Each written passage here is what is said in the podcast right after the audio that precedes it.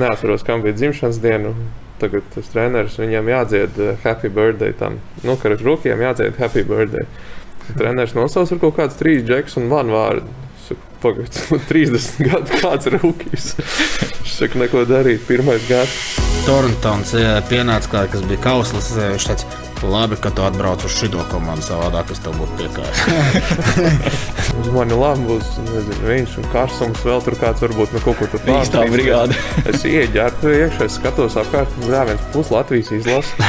Es saku, kur es esmu nokļuvis tagad, kas te notiek? Piemēram, Bostonā bija, bija fiziskās savienības treneris, kurš pateica, ka man komandā neviens spēlētājs nebūs tur ar tauku procentu virs desmit. Obligāti bija noteikums, ja tu esi virs Tagad desmit, tu nevarētu netiec. Jā, es nevarēju. Es arī tad nevarēju.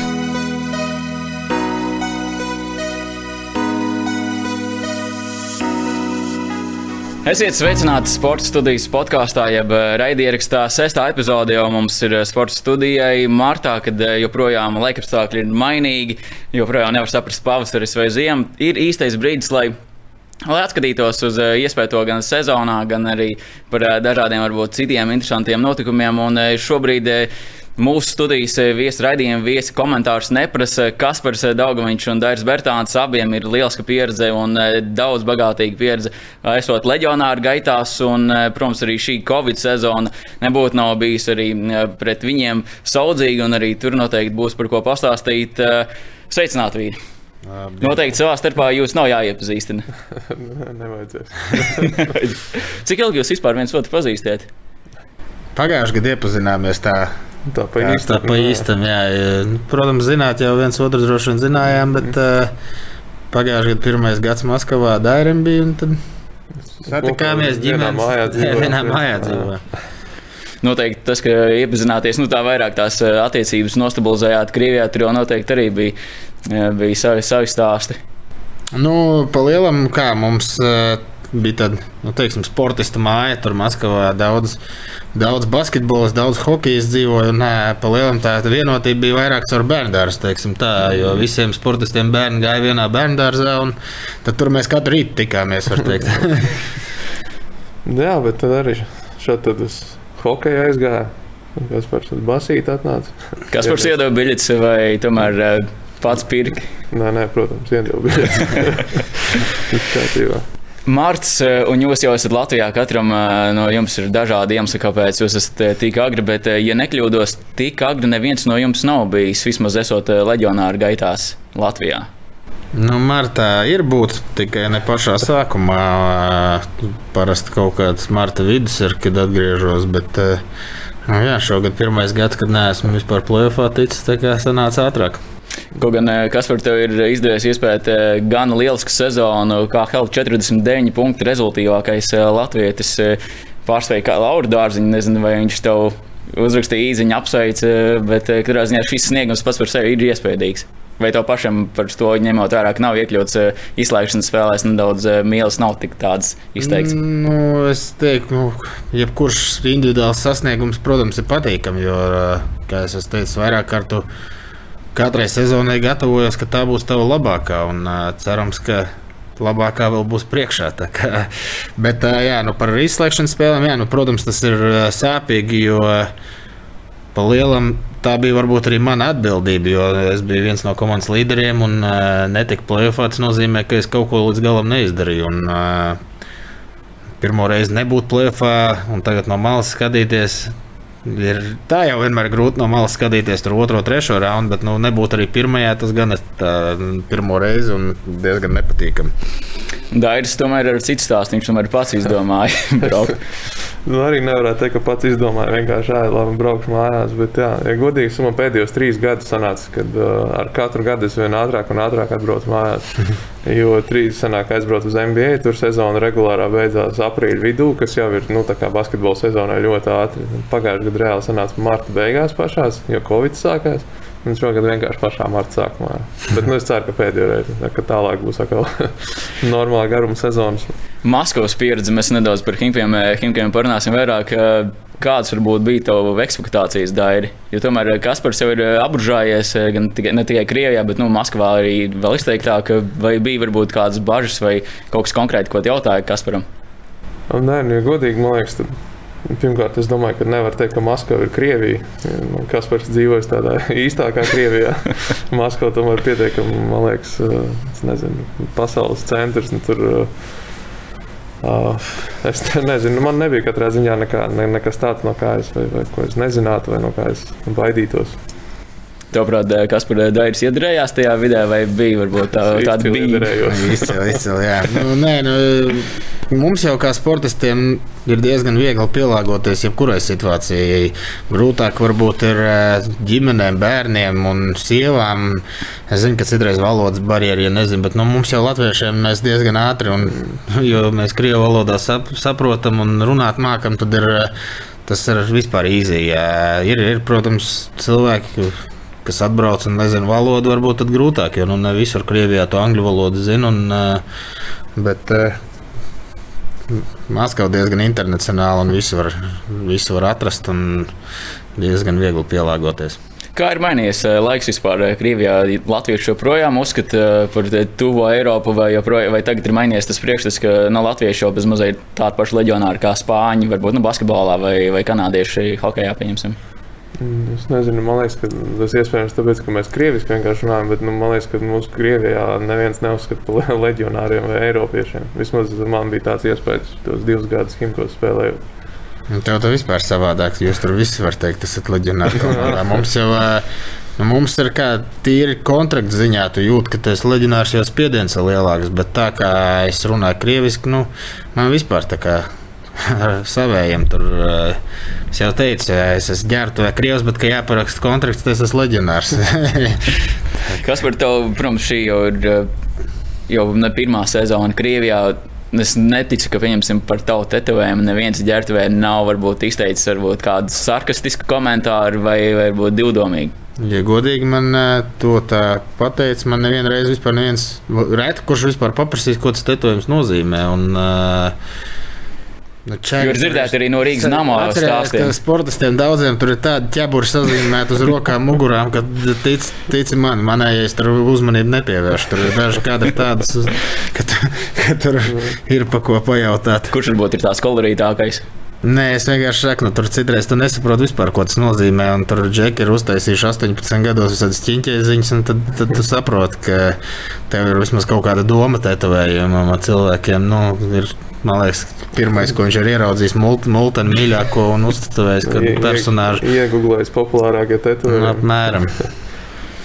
Bet, uh, tomēr arī Rīgas namā arī šādi ir izbraukumā. Vismaz pirmajā sezonā bija saskārušies uh, arī izbraukumā, kad pret viņiem ir vērsta varbūt kaut kāda dažāda saukļa no līdzjūtējiem. Uh, tas, ka tev tetovējums Latvijas ģērbā un muguras, uh, tas nav visāds. Uh, es uzreiz tev pateikšu, ka šo tēmu varam neaiztikt. Jo, muļķi ir jebkurā valstī, un uh, tie, kas gribēs atrast kaut kādu konfliktu situāciju vai politisks vērsts, nu, viņi būs jebkur, un būs gan rasisti, gan būs tādi. Tas ir vienkārši, tas nav atkarīgs no vai Krievija vai Latvija. Arī tepat mēs varam atrast, kad atbrauc Krievu komandas, kad ir cilvēki, kas ir gājuši un bļāvuši. Un tas ir vienkārši kā tu esi audzināts no ģimenē, un es domāju, ka te nav tālāk vērts par to runāt. Nu, izglītības jautājums kopumā par šo visu. Covid sezona, kāda bija jūsu abu pieredze? Sākot varbūt no nu, pagājušais gads jau bija tāds pusaprots, un tomēr viņi nebija pabeigti līdz galam. Šis pilnais gads, kāds bija jūsu pieredzē? Viņš? Mums pa lielam hokeja, nu, var teikt, nekas nemainās. Nu, tieši kā HL ziņā, varbūt citur Eiropā kaut kas ir grafiki mainījušies. Es zinu, ka Mārķis Karsums vēl līdz aprīļa vidum spēlēs regulāro sezonu Vācijā, bet mums pa lielam nometne bija laikā, kā HL uzreiz pateica, ka Viss sāksies, viss būs, un tā arī bija. Bija, protams, tā, tā sezona saraustīta, jo dažas komandas slimoja, dažas jau bija slimojušas. Un, bet, kā jau paskatās, plēsoņa iet, un viss iet pēc grafika, kā ir noticis. Nevar, ne, mēs hokeja nevaram sūdzēties.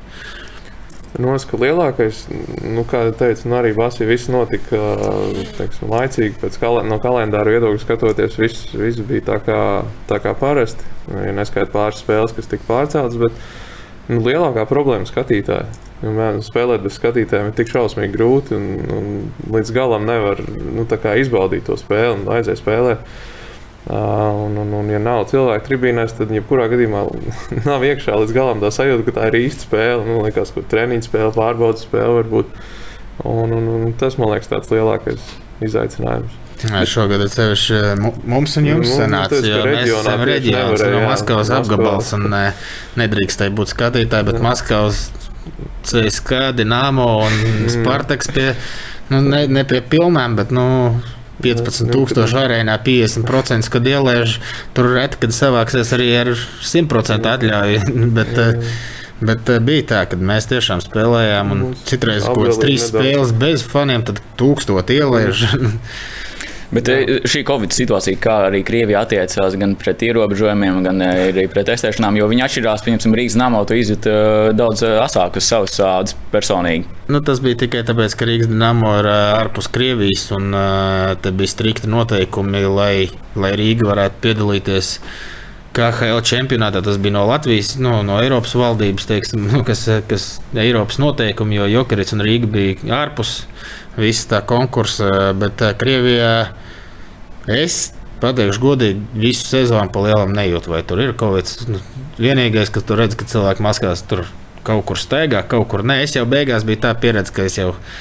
Laikam jau viss bija aizmirsts, ka Covid veikalā bija jāatgādina vienmēr. To citreiz kāds atgādina, citreiz neatgādina to masku uzvilkt. Un, uh, Sākumā tur rokas mazgāja ik pēc minūtes ar tiem visiem. Beigās es to, to vienu pudeli, ko izlietoju, sākumā tā arī bija vienīgā. Un, uh, Neņēma viņš man laikam, un tāpēc tu atradini sev no tās domas, ka tu varētu saslimt vai, vai kaut kā tādu. Bet bija slimojis jau pašā saknē. Jā. Es neesmu vēl joprojām. Ne, bet komandā bija. Nu, Mums komandā, es, kad atbraucu, tieši viss sāk slimot. Es, es biju laikam kontaktā ar pilnīgi katru slimo. es jau teicu, no vienas ūdens pudeles dzēru, bet eh, tā arī kaut kā noturējos bez. Dari, ko tu varbūt vari no savas pieredzes pieminēt? Nezinu, ja godīgi, nu, saku, Krievijā vispār nevar tā baigi just to, to, to covid, jo nu, tie ierobežojumi bija tādi nu, nosacīti. Man teica, nu, maskas jāvalkā, bet nu, tā principā viss bija vaļā, viss strādāja, viss darbojās cilvēki. Dzīvoja, man liekas, tāda ikdienas dzīve ierasto, un, un, un, un nekas, nekas tāds nebija, kas, kas baigi liecināt, ka kaut kas ir mainījies. Bet, nu, piemēram, kad jūs ar Hinkiem braucāt nezinu, uz Barcelonu vai, vai Madridu, nu, tur jau varēja just šo atšķirību, kā ir Krie Krievijā, kā ir, kā ir citā Eiropā. Nu, nezinu, aizbraucis. Mums pat Madridē sanāca spēlēt liekas, sezonas uh, sākumā. Un tur tiešām, nu, kā nu, izbrauc, nezinu, brauc no autobusa uz lidostu un reāli tukša pilsēta. Nu, Madrid nekad pat nezinu, otrdienas, nezinu, pat dienas vidu. Tur vienmēr ir pilns ar cilvēkiem. Nu, tā, tā bija lielākā starpība, kā nu, tukšums ielām. Principā cilvēki diezgan. Diezgan nopietni tam piegāja. Nu, redzot, ja nedrīkstēja iet ārā bez iemesla, tad viņi arī nekur negāja. Tie ierobežojumi bija stipri, stipri, stipri stingrāki. Tas, ko Kaspar, mēs arī vienā sarunā arī pieminējām, ka kaut kad jau beigās sezonas laikā tev to kociņu sāk arī dziļāk bāzt Krievijā, jo sākumā viņi varbūt ir tā pašā. Nu, nē, es jau pats prasīju vienkārši, lai ir tā, ka arī, ja tu esi slims, lai tu saprastu to, lai nav tā, ka tev tev ir tas covid, un tu steigā apkārt, un tikai tāpēc, ka kociņš tur līdz galam neiebāz. Bet, nu, nē, testē mūs katru trešo dienu, laikam. Un, un tagad, ja es saku, tas ir tā pierasts, ir, ka to kociņu var tur iebāzt un, man liekas, atstāt man, es jau viņu vairs nejustu tur. Tur pareizā pozīcijā jāņem vienkārši. Man tikai vienā nāsī var iebāzt, man otrā nevar, jo man lauza deguns, un tad uh, viņi man bāz divreiz, bet vienā un tad kaklā. bet abiem jums ģimenes nebija līdzi, vai, vai Dairam bija tā? Viņi man atbrauc novembrī, kad, kad varēja, varēja sākt ar nezinu, sakārtoju papīrus. Labā ziņa bija, ka man ģimenē jau vīzas viss bija gatavs, vajadzēja tikai dabūt atļaujas. Un, un, tā kā tas notika, tad jā, no novembra līdz, tagad, līdz martam visu šo laiku bija, bija gan sieva ar, ar bērnu, ar dēlu līdzi. Kas par to gan bija grūtāk apstākļi? Tu pēdējo reizi biji ap decembra, laikam, ja nemaldos. Jā, es biju decembrī vidū. Mums bija tas pārtraukums izlošs. Tad es tur ar mašīnu atskrēju mājā uz trīs dienām. Un, uh, tas bija arī tā, nu, Decembrī vidū iedeva to atļauju vīzas taisīt mums. Tad es domāju, kamēr uztaisīs vīzas, Ziemassvētku jaunais gads tāpat bērni nu, mājās labāk, lai paliek nekā Krievijā. Un, domāju, tur janvārī braukt speciāli.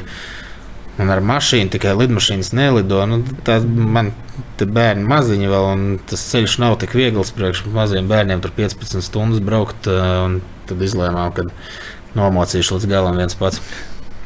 Vismaz beidzot satika, un arī nebija varbūt, nu, vismaz tagad, kad nedaudz ātrāk beidzās sezona, tad nu, nav tas pārāvums. Nu, protams, bērni pirmo nedēļu, es domāju, vispār neatgāja no maniem. Dairi no Himkiem tu atvadījies eh, ne ar tām labākajām emocijām. Eh, tas, kas, pieņemsim, ir noticis ar Dairi, kas par eh, tā tipisku situāciju Krievijā. Vai hokeja ļoti, ļoti, ļoti tipiska un uh, diezgan. Runa ir par to, ka neizmaksāja pietiekami ilgu algu. Algas, bet uh, redziet, kā Daira vismaz tāda, tāda ziņā ir kaut kāda aizsardzība no Eirolīgas, no FIBA. FIBA. Mums jau nav, mums KHL ir sava līga. Īpašnieki līga ir visiem skaidrs, arī sponsori. Un, uh, tur tie noteikumi var izmainīties otrdienas sēdē, un, uh, ja vajag.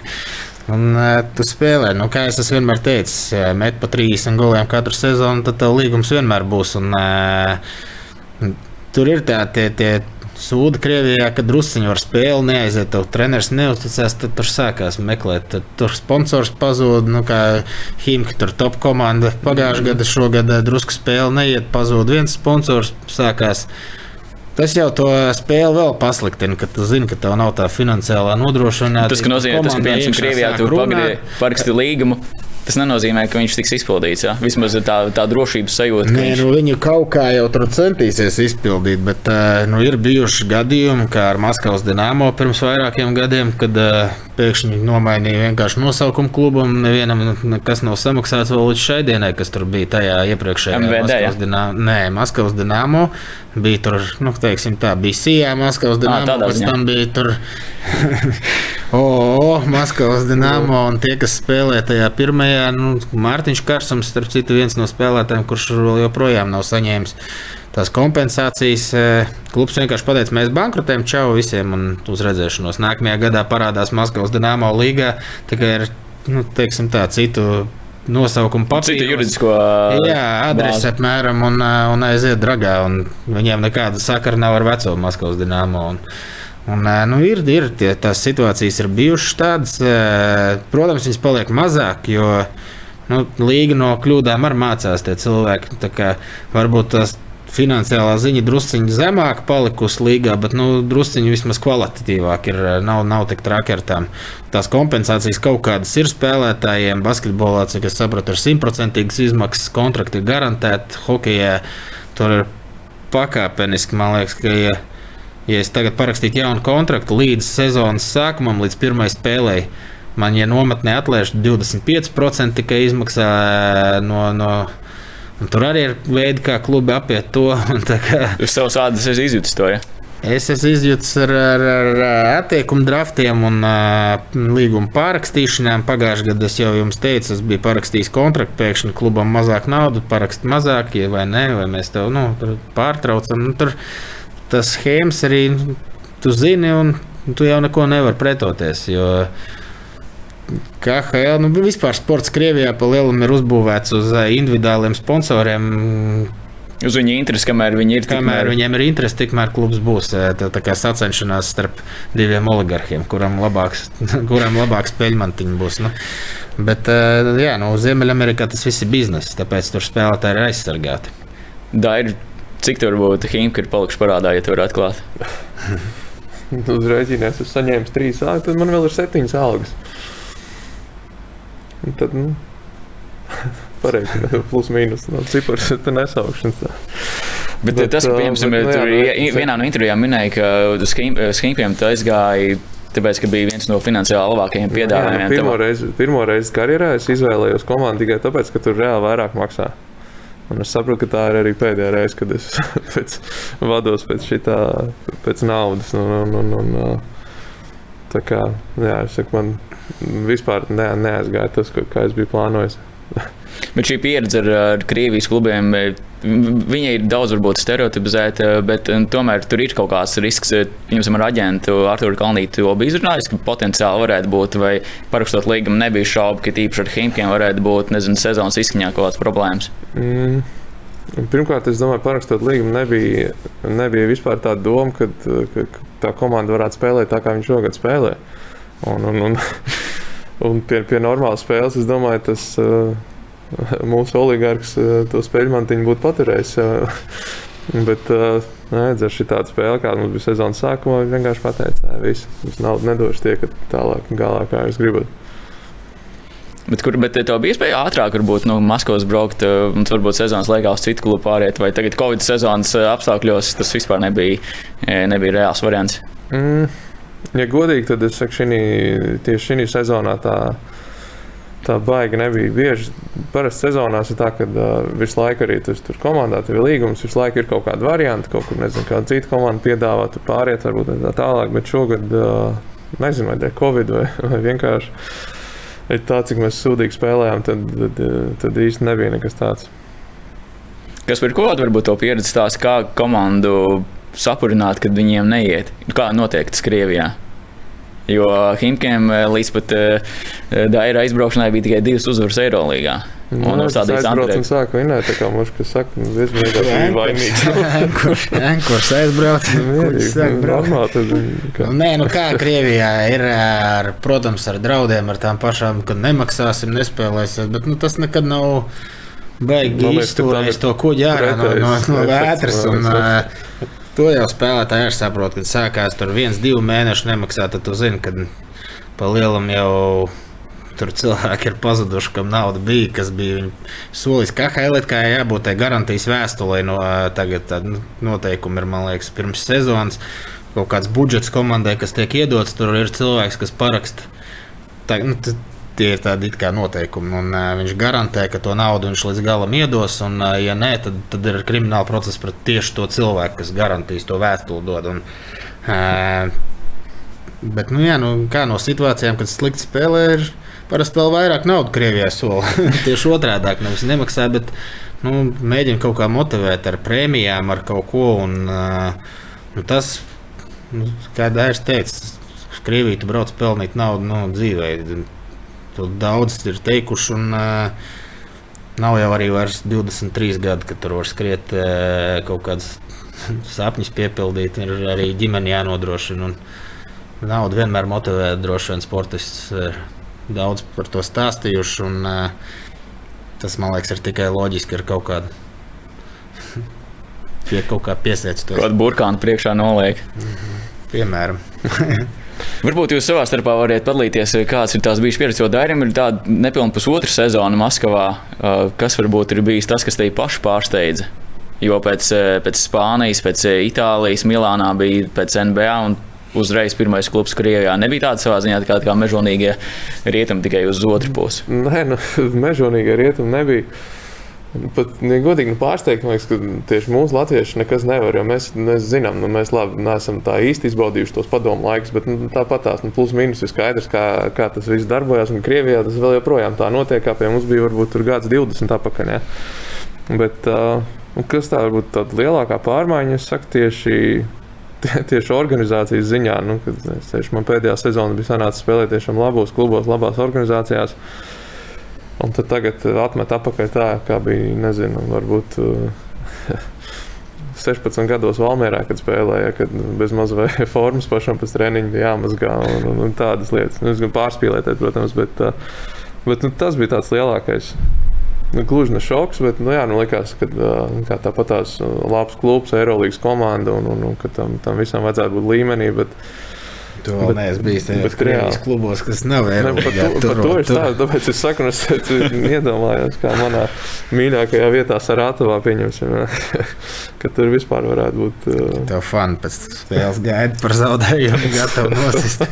ir bijis tāda pieredze, kas par to?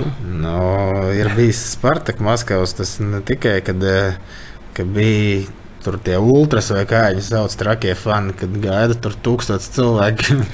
ir gatavi nu, komandu vienkārši noslānīt, bet nu, tur vienmēr atbrauc kāds. kas, kas visu iz, izrunā ar viņiem un tiek galā. Kad bija pāris gadi atpakaļ, kad Maskavas sporta ģērbtuvē, nu, pat video bija, ka, kad fani ienāca iekšā ģērbtuvē un sāk pretenzijas katram tur spēlētājam stāstīt. Tad tur viens kaut ko pretīm sāk viņiem teikt, tad to tur vispār apēd dzīvu. Normāli demokrātija komandā. Nu, jā, nu, Krievija, nu, tur ir, ir ko pēc tam pastāstīt vismaz.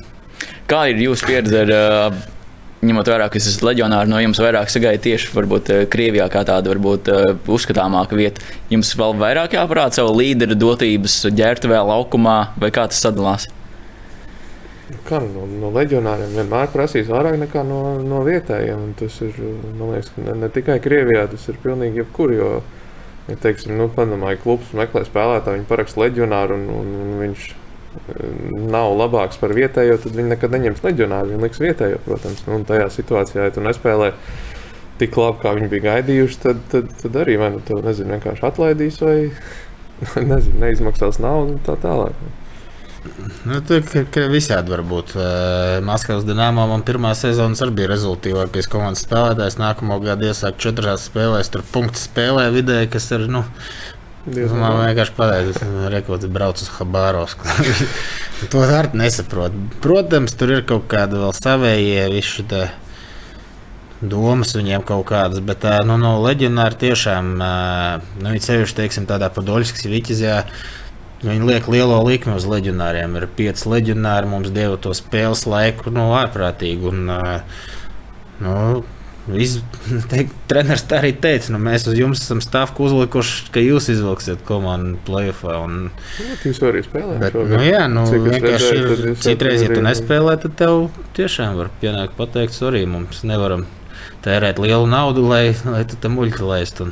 Meklē kaut kādu citu variantu tavā vietā. Bet, nu, kāda šāda draudzes sezonas laikā tev vismaz ir? Draudi, nē, parasti to jau tu pats saproti. Tur pat nav jādraud. Ja tu nospēlē 30 spēles pa nulēm, nu, hokeja Nu, pirmkārt, tu 30 pa nulēm nemaz nenospēlēt. Tur jau pēc kaut kādām 15 tev jau čemodāns būtu sakrāmēts, jābūt. bet, uh, bet, nu, ir, ir, nu, bet tas visur ir bijis. Nu, līdera loma varbūt. Ziemeļamerikā tur nav leģionārs skaits, bet tāpat no līderiem prasa. Nav paskatieties, kanādieši arī atlaiž tur Kanādas klubu, tāpēc, ka nedod rezultātu. Tā kā, bet tas ir visur.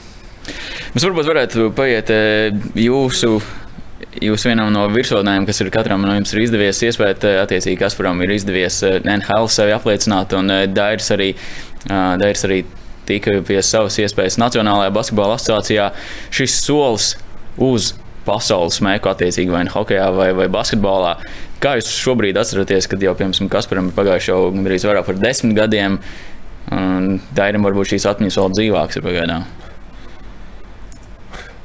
Nu, man, man jau pavisam vienkārši man nodraftēja nu, septiņi. Tas bija pirmais, eh, tas bija pasaules čempionāts Rīgā, kad es debitēju. Pēc tā bija arī drafts. Eh, man nodraftēja, un es pa lielam sāku pakāpeniski iet cauri visām līgām. Nu, tād, nu, caur gaļas mašīnu izgāja visu. Uh, divu pusgadu junioros, pēc tam tur četri gadi AHL. Nu, cik es tur dabūju paspēlēt to AHL, es izbaudīju viņu. Un iespēju man deva, man vispār nav par ko sūdzēties. Viss bija foršs sapnis, kaut kāda, nu, teiksim, liela daļa sapņu savā hokeja karjerā es izpildīju, ejot visam tam cauri.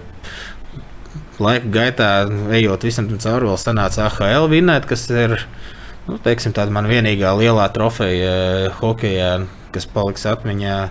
NHL dabūja uzspēlēt Stanley Kausa finālā, to pieredzi dabūt. Eh, man vispār ir tāds pilna grāmata, ko, ko, ko no, no 30 lapām, ko es sarakstīju, ko es gribu izpildīt. Lielāko daļu es varu teikt, izpildīju. Un, uh, Protams, eh, jebkurā sporta sapnis būtu stabili noturēties vienā klubā, NHL, kur tu uzsāki un līdz karjeras beigām. Tas būtu kā, laikam ideālais variants un vinēt vēl Stanley Kausu priekšhokejistu. Bet, bet uh, iespēja man bija, viss, viss bija manās rokās, kaut kas nesanāca. Nu.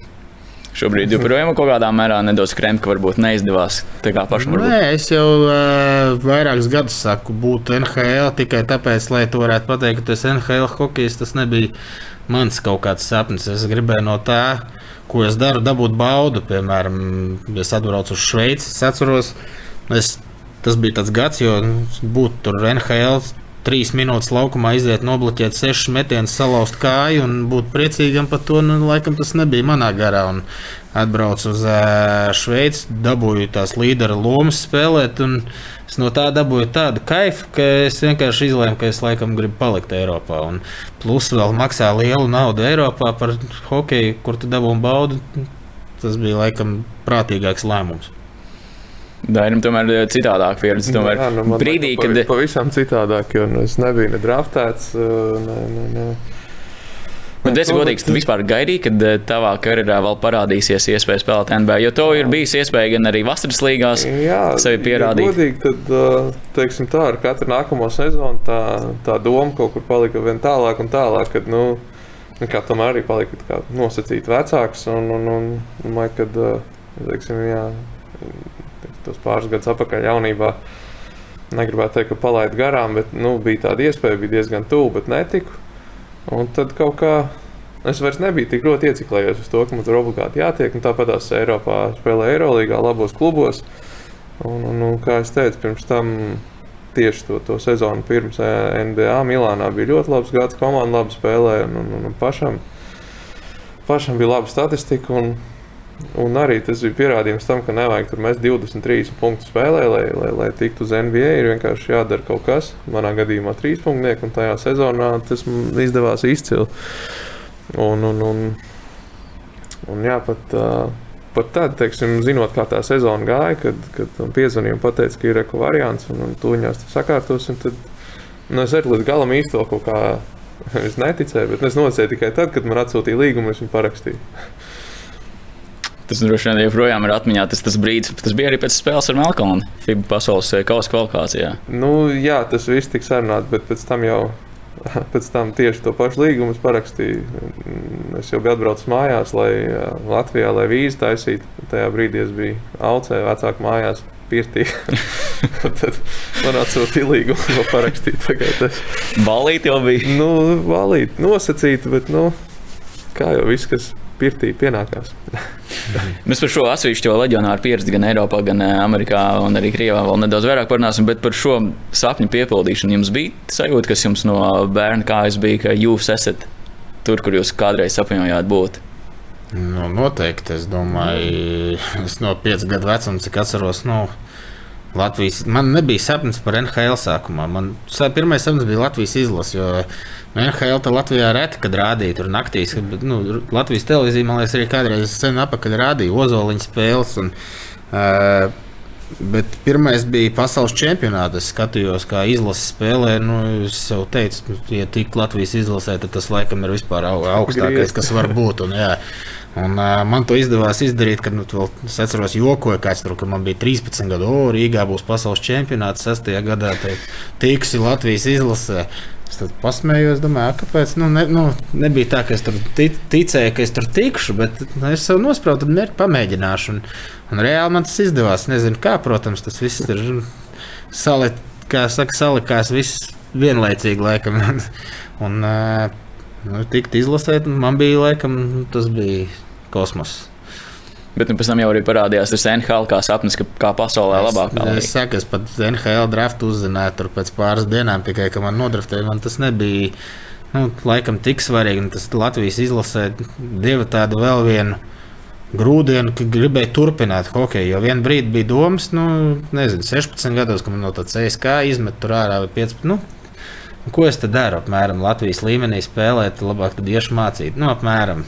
Un tad tikt izlasē, ka tev paņēma tas deva tādu grūdienu un ticību varbūt saviem spēkiem, ka vajag turpināt. Man nezinu, man gan tas bija tieši citādāk. Es saku, jau, vai gan arī no, no maza, maza vecuma jau tāpat tās, man liekas, vēl Latvijas televīzija rādīja hokeju, tad arī vēl rādīja. Vismaz Jordāna spēles toču rādīja ar nedēļas nokavēšanos. Tieši tādā nebija. Toreiz, ne? nu, tur es domāju, ka bija tālu līdz tiešraidē. Un, un, un, jā, nu, kopš tā laika tas arī bija tāds nosacīts mērķis. Un es jau teicu, pirms tam, ka nu, ar, ar, ar, ar gadiem tas varbūt palika vairs druskuļi otrajā plānā. Tā tik ļoti es to nerāvos. Bet, jebkurā gadījumā, kad, kad tiku, tiku uz turieni, tā pirmā spēlē, kad izgāja laukumā, tad kaut kāds pāris sekundes vajadzēja to, to momentu tiešām izbaudīt, ka saprastu, kur es tagad esmu, te, kur es vienmēr esmu gribējis būt. Un, Bet tā, tā sajūta, jūs esat kaut kā nedaudz pietuvojušies. Noteikti tas ir vienreizējs apstākļus, un laikam viņi atkārto. Tas ir vienreizējs. Nu, liekas, ka tāda, tāda sapņa vienreiz dzīvē var piepildīt. Nu, otrais jau vairs nebūtu tas. Jā, nu, bet ir daudz tādu bijuši. Olimpiādi, iziet olimpiādē uz ledus, iziet Likās, ka NHL iziet uz ledus pirmajā spēlē ir kosmos. Nu, Tur jau bija Madison Square Garden pirmā spēlē. Jā, un pēc tam tu izēji Stanley Kausa finālā pirmo reizi. Tas vēl kaut kā, nu tur tev visu laiku kaut kas jauns parādās. Pēc tam nu, Olimpiskās spēles Vankūverā man, nu, man likās, ka tas ir augstākais, kas var būt. Bet, eh, nu, nē, tad tu solīt pa solītam kaut kur, kaut kur atrod vēl kaut kādu veidu, ko, kā tu sevi iepriecini. Laikam. Brīdī, kad jūs eh, realizējat šo sapni attiecīgi par NHL NBA, jūs jau tomēr esat uh, savā karjerā daudz ko esat izdarījuši un vairs neesat ar, varbūt, ar šo jaunības, eh, jaunības dienu skatījumu. Bet cik jums varbūt pašiem bija svarīgi, nezinu, tur katru stūrīti apskatīt, nezinu, vai no arēnā, vai, vai nezinu, kaut kā vienkārši apsēsties, nezinu, pirms spēles vienkārši tukšā arēnā un mēģināt sajust to auru, vai, vai tajā brīdī tiešām ir tikai koncentrēšanās attiecīgi vai hokejam vai basketbolam. Un šīs varbūt tādas emocionālās lietas, viņas kaut kur prātā ir, bet eh, viņām tādu pastiprinātu uzmanību nepievēršiet. Es nezinu, sēdēt tukšā arēnā. Viņa godīgi. Citreiz hokejisti iet bieži šitā, nu, jūs tur, nu, lai neģērtu, iziet tur pie ledus, nu, soliņa apsēdies, kad nav vēl, kad vēl citreiz ledu lej tur. Mm. Bet eh, tā, kad staigāt apkārt, tur Nu, nē, nu nav jau tas, man liekas, nekas tāpat tās ir spēlēts gan, nezinu, gan lielās arēnās, gan vis, vis kaut kur. Nu, Pirmā diena palidoja tā, ka es vispār pusi neatceros. Man, zin, tur atbrauc, man atveda no rīta raskāt, ka mums saucamā tur izskrēja, izmet uz ledus. Desmit minūtes paslidojām, pateicu, pēc desmit minūtēm autobusu vai braucam, pagulēju un jau spēlēju. Tas bija Medicīnas Vērgārdenā. Jā, un, un Spēle beidzās pusstundu, tu jau lidmašīnā sēdēji, lidoja tālāk kaut kur. Nepaspēju saprast vispār, kas, kas no lielam, jā, nu, izskrēja. Kā atšķirās uh, spēles uh, gatavošanās NHL, Eiropā un Krievijā? Nu, trīs dažādi varbūt, uh, trīs dažādas varbūt šīs vidas. Hokejā nekas nemainās. Spēlē gatavojies kā katru dienu. Mums ir tie rīta treniņi, saucamās raskatkas, kad mēs atnākam, druskuļi ieslidojamies no rīta, tad ir pusdienas, eh, braucam uz viesnīcu. NHL vienīgā jā, atšķirība starp citu ir, eh, kad eh, tu vari gulēt, ja mājas spēle ir mājās gulēt. Krievijā un Eiropā parasti komandai ir kaut kāda vai nu bāze, vai nu viesnīca, kur visi kopā brauc. Lai it kā lai bērni netraucē mājās gatavoties spēlē. Nu, Tā ir vienīgā laikam atšķirība. Tas, tas laikam tikai hokeja, jo mums basīja tikai, tikai Krievijā ir tā, ka mums spēles dienā jādzīvo viesnīcā. Nu, mājas spēles, protams, ir. Tā visur citur Eiropā, ja tev ir mājas spēle, tad tā reāli arī ir mājas spēle, tu dzīvo mājās.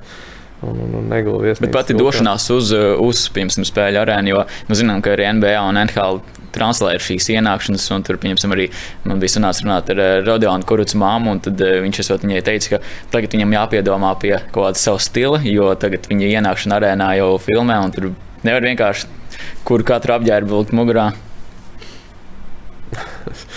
Uzvalks vienkārši. Hokejistiem vienkāršāk uzvalks. Jā, ir vienmēr nosacījums, ir obligāti uzvalks. Uh, šlipsi bija laikam opcionāli, tā kā pats var izvēlēties, bet uh, ir klubi, kur, piemēram, New Jersey Devils, tur ir noteikumi, tur ir strikti noteikumi. Tā ir tradīcija. Nedrīkst būt gari mati un nedrīkst būt bārda sezonas laikā. Vienmēr jābūt nu, gludi skūtam. bet tas ir drīkst ūsas būt, bet nedrīkst bārda audzēt sezonā. Un tas ir vienīgais, ko varbūt klubs paprasa. Tu ej vienkārši spēlē, atbrauc ar savu mašīnu, noparkojies parkingā, cits ar kafiju, iet rokās, cits ar ūdeni, ieģērtu un sāc gatavoties spēlē. NBA līdzīgi?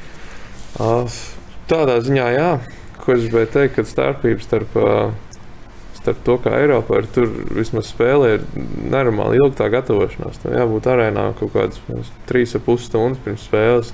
Tāpat laikā Eiropā ir kaut kāda pusotra stunda, pārģērbies, pamētā bija viņa sapulce, tad iesildies un, un, un, un gatavs spēlēt. Tā, tā vispār kopējā gatavošanās tajā spēlē diezgan ilgu laiku aizņem brauciens, piemēram, dara tev, tad, kad aizgāja no Milānas uz, uz NBA, tad tie pirmie braucieni uz uh, Pelikāns arēnu. Bija tā, ka skaties apkārt no autobusa vai, vai tomēr? Nē, nu, kā es tur ar mašīnu braucu, ja tur, nu, tad gan nē, es biju tur sezonas beigās, un viesnīcā dzīvoju, nu, vienkārši nemeklēju dzīvokli, ja nebija īsti jēga. Bet, uh, nu, kaut kā brauciens kā brauciens uz arēnu, vienkārši uz spēli, nu, tad Es tas, ka tu jau redzi, jau pirms spēles, jau tur jau ir daudz cilvēku, un, un tur tā satiksme bija šī lielāka. Bet tā, principā. Salīdzināt sevi ir uz NBA fona. Tev pretī nāk Stefans Korijs, Dreamlands Grīns, Kris Pols. Ko to brīdi saproti, kurā līmenī tas nonāca un varbūt Kas, kas tev pretī ir? Nu, tā kā saprotu, ka, nu, ka nevēl tie džeki ir, ir, ir superzvaigznes NBA, un nevēl viņiem ir tāda līguma, un nevēl viņi tur jau tik, tik, tik gadu spēlējami. Tas vismaz manā gadījumā uzreiz skaidrs, ka tas ir pilnībā cits līmenis, un, un, un viss, ko es varēju darīt, censties kā, nu, nekrist ārā uz, uz tā fona un, un, un, un izskatīties pēc iespējas labāk ģērbtuvē, kad ieraugāt lielos vārdus, piemēram, Jasons, pēc kas par to bija kā viens no pirmajiem, Daniels Afrocons, Eriks Karlsons, tas kaut kādā mērā atstāja iespēju, vai tajā, tajā vidē jau apgrožot, apgrozoties. Tu saproti, jā, viņi ir labi spēlētāji, bet tā, kas viņus tur apjūsmoja, vai man tagad jābūt bīgam, tā noteikti nē. Nē, viņi ir uh, draudzīgi. Nu, teiksim, var jau just arī tās superzvaigznes. Viņi ir brīvāki. Viņi tur pajoko. Nu, tur uzdzied kaut ko tādu. Viņam ir monēta, jau viņi katru dienu māca sev piecās minūtēs. Izmainīt sev un gatavoties. Alfredsons, varbūt, jā, Alfredsons bija, teiksim, tā kā bērns hokeja. Viņš ienāk, viņš jau tur gatavojās. No rīta pirmais uz ledus, pēdējais nost bija un, nu, tāds koncentrācija. Un viņš tiešām bija tāds līderis, kas mācīja laikam visu to ģērbto kaut kā sapurināt. Tā, ka, nu, Tur redzēja, ka Dārfrits ģērbta, tad nu, uzreiz viss tāds nopietnāk bija. Redz, redz, kā viņš gatavojās spēlēm. Tad tas otrais gads bija, kad es jau arī biju prom no Otavas. Viņš beidza, man liekas, karjeru tieši. Tur teica, ka tur ģērbta katrs dara, ko grib. Un, Kārtīgi pazuda. Nu, jā, un arī komandai spēle pazuda. Un, tomēr ir tiem līderiem kaut kādas tās spējas, ka viņi māca ap sevi veidot nu, līderis, uh, līderis māca izveidot ap sevi to komandu, kas sekos viņam. Laikam. Un Bostonā, Bostonā jau tur Bostonā tā zvaigžņu plējāde nedaudz nu, lielāka. Čāra, teiksim, Čāra bija ilgadējs kapteinis, bet tur bija daudz. Pat organizācija Bostonā bija daudz nopietnāka, nu, striktāki noteikumi. Un, Kāds piemērs tam izpaudās? Nu, pirmkārt, fiziskajā ziņā, piemēram, Bostonā bija, bija fiziskās savienības treneris, kurš pateica, ka man komandā neviens spēlētājs nebūs tur ar tauku procentu virs desmit. Obligāti bija noteikums. Ja tu esi virs desmit, tu netiec. Jā, es nevarēju. Es arī tad nevarēju. Tur bija no, tu, tu, kamēr nedabūs zem desmit, tu, tu ne, netiksi sastāvā. Un, uh, tur reāli visi spēlētāji, tā laikam viņiem arī draftējot, ko viņi brauc uz tiem kombainiem, ko sauc, uh, kur jaunie spēlētāji Viņi vienmēr pārbauda fizisko sagatavotību. Un, uh, viņam bija Fils Kesels. Es atceros, Bostonā, ka viņi tur spļaudījās, ka viņš tur 40 gols met sezonā, bet nu, viņš bija tik resns, ka beigās viņa aizmainīja. Un, uh, bet, Jā, viņš uz Pitsburgu un pēc tam arī Teodors Buļbuļs. Nu, viņš man liekas, uz Toronto no turienes, no, no, no, no Bostonas aizbrauc. Bet, uh, jā, nu, cilvēks nu, ir talantīgs, bet nenoturējās organizācijā pa lielam savas attieksmes varbūt dēļ. Un, uh, fiziskās sagatavotības vai kaut kā tā, bet tas jau viņi nemaina kā, kā spēlētāji. Un, uh, Un tad tu jūties tajā organizācijā, ka tur viss vienmēr ir tā, ka tu visu pareizi tur uzvelk no uzreiz ej uz zāli, gatavojies. Nu, tur nav tā, ka mūzikas mūzikas laikā tu tur kaut ko padejo. Kad Gaspar, tu esi tas viens no tiem attraktīvākajiem hokeistiem, arī zinām tev, tev šo aurošanu, ka tu ienāc pēc labām spēlēm, to komandā ģērbtuvē uztvēri Nē, tas viss tas ir e, normāli. Tas ir jebkurā komandā, vienalga, cik strikta organizācija, tas ir emocijas. Tas jau tev neliedz tur bļaustīties un atbalstīt komandas biedru. Vienkārši, nu, teiksim, tu nevari atnākt ar kaut kādu sandviču un kolas buļbuļsāņu Bostonas ģērbtuvē, sēdēt ēst ģērbtuvē. Piemēram, Motavā bija cilvēki, kas tur brokastis sēdi, zina, šķīvīt savā vietā, kur ģērbjās. Bostonā tev izdzīt no ģērbtuves ārā uzreiz. E, ir speciālas vietas, kur tu to vari darīt. Un, nu, teiksim, vienkārši tādi sadzīves noteikumi ir daudz striktāki. Dairi, tev varbūt ir kāds novērojums? Es nezinu, daudz tik ilgi runāju, ka es reāli aizmirsu, kas ir pirmais jautājums, par ko mēs vispār runājam. par, eh, par ģērbtu, varbūt eh, šiem Tā, jā, par nerakstītiem, varbūt likumiem. Es nezinu, prasīju piemēram tā, ka es arī nu, uz to arī skatās kā uz tādu, nezinu, biznesu apmēram. Nu, spēlētāji zina, ka, teiksim, es zinu, ka es aizbraucu vienu citu spēlētāju vietā, tur vienu atlaidu, un tad es atbraucu. Ņūorlānā tieši. Ņūorlānā, jā, un nav tā, ka uz maniem skatījās apmēram, tur nezinu, kādam tur čom apmēram atlaidu, un nekur es esmu atbraucis vietā. Uh, viss to saprot, viss ir uh, normāli, pats nezinu, kas nu, mums tur lielākā superzvaigzne Antonijs Deivis. Jā. Viņš bija apkārt komandai. Jā, viņš bija vēl pat pāris spēles, vēl nospēlēja, pirms viņš pavisam vairs nespēlēja, jo gaidīja to maiņu. Un, uh, Neko, nu, pilnībā, pilnībā normāla attieksme. Nav tā, ka viņš būtu superzvaigznes un skatītos, kas tur kaut kāds, nezinu, Duriks no Latvijas atbraucis, apmēram, ko viņš tur darīs. Nu, nē, nu, pilnībā normāla, normāla attieksme. Un, un, un, kā, Kas varam tomēr ir cita pieredze, jo tomēr tas lauzis gan no drafta eh, savu ceļu uz NHL un arī caur eh, farmu klubiem. Tomēr tu esi apgrozījies tajā vidē, bet eh, kāda ir jūsu pieredze, kad jūs ienākat NHL ģērbtuvē? Jūs esat leģionāri, kas par gadījumā tas ir tas, kurš nezinu, caur sistēmu ir izsities. Nu, Tur, man liekas, ne, nav, leģionāri, nav jau arī jā, leģionāri. Nav tā, ka kanādieši jau jūs te atbraucāt uz mani. Junioros es varbūt to jūtu, jo junioros drīkstēja spēlēt divi ārzemnieki vispār. Nu, teiksim, tā Eiropieši. Jā, un uh, tur bija tās iesvētības un viss. Nu, kā, un tad tu jūti laukumā, ka kanādieši tur braukāja ar elkoņiem pa galvu. Siti, nu, kauties gribēja, lai pierādīt, ka viņi tur mēs esam Kanāda kaušļu zeme, tur hokeja. Un... Jā, tas ir Līdz tam vienreiz iedodat vietējiem vienam, un tad visi nomierinās apmēram. Bet, uh, Varbūt kāds no zināmākajiem NHL spēlētājiem. Man jau, piemēram, es varu ātri izteikt, ka NHL ir savādāk. Tu katrā nometnē piedalies kopā ar visu komandu. Tur ir NHL nometnes ir savādāk, droši vien, kā NBA. Mums 60 hokeja bija. Visa organizācija, kas ir, tie tiek uzaicināts nometnē. Trīs komandas uztais pat 20 spēlētājiem. Un tu trenējies trīs grupās. Piemēram, man tur, manā grupā, piemēram, Alfredsons bija, citā grupā Spēca bija, vienā trešā grupā Karlsons. Un tad mums bija tā mini komandiņa, un mēs tur savā starpā pat spēles spēlējām. Tā palēnām tos.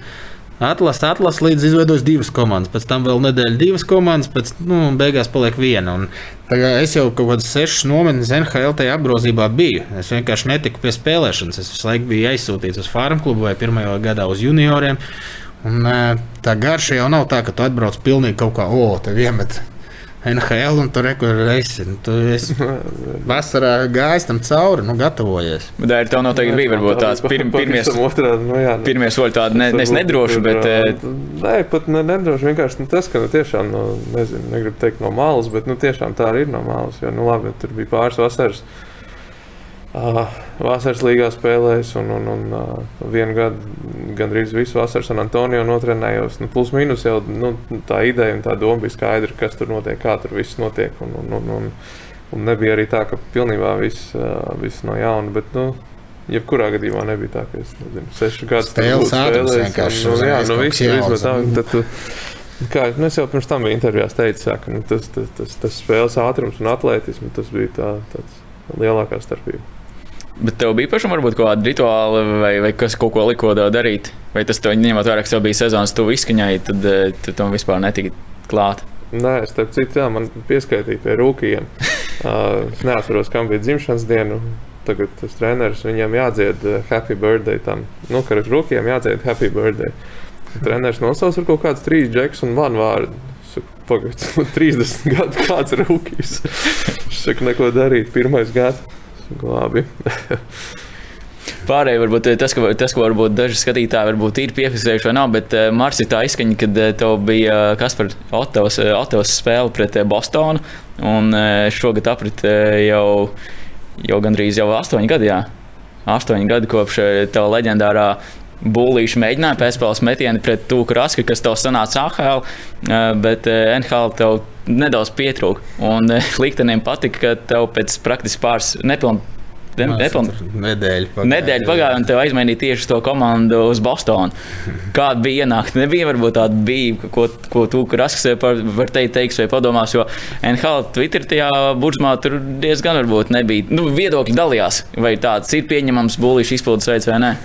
Protams, Bostonas fani bija gatavi droši vien nosist. Man otrs fani bija priecīgi, kad es to darīju. Bet, nu, nē, pirmais, ko ienāca, kad ģērbtu Torntons pienāca klāt, kas bija kauslis. Viņš teica, labi, ka tu atbrauc uz šo komandu, savādāk es tev būtu piekāpis.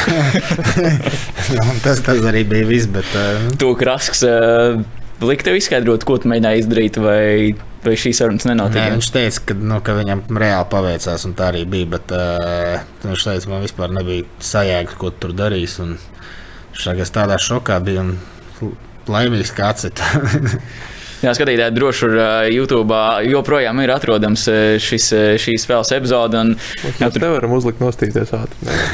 Šoreiz varbūt nesnāks, bet uh, jā, katrā ziņā tā liktenim patikās te uzreiz aizmainīt tieši no Atos uz Bostonu.